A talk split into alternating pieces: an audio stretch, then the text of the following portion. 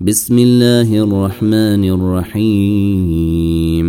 سبح اسم ربك الأعلى الذي خلق فسوي والذي قدر فهدي والذي أخرج المرعى فجعله غثاء احوي سنقرئك فلا تنسي إلا ما شاء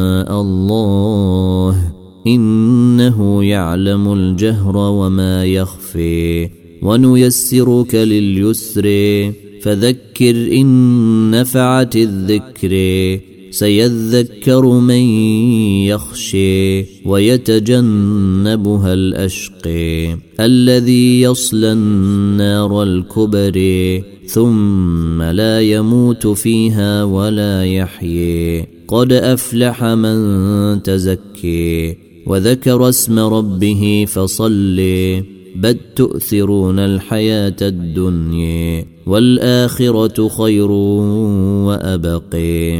إن هذا لفي الصحف الاولي صحف إبراهيم وموسى.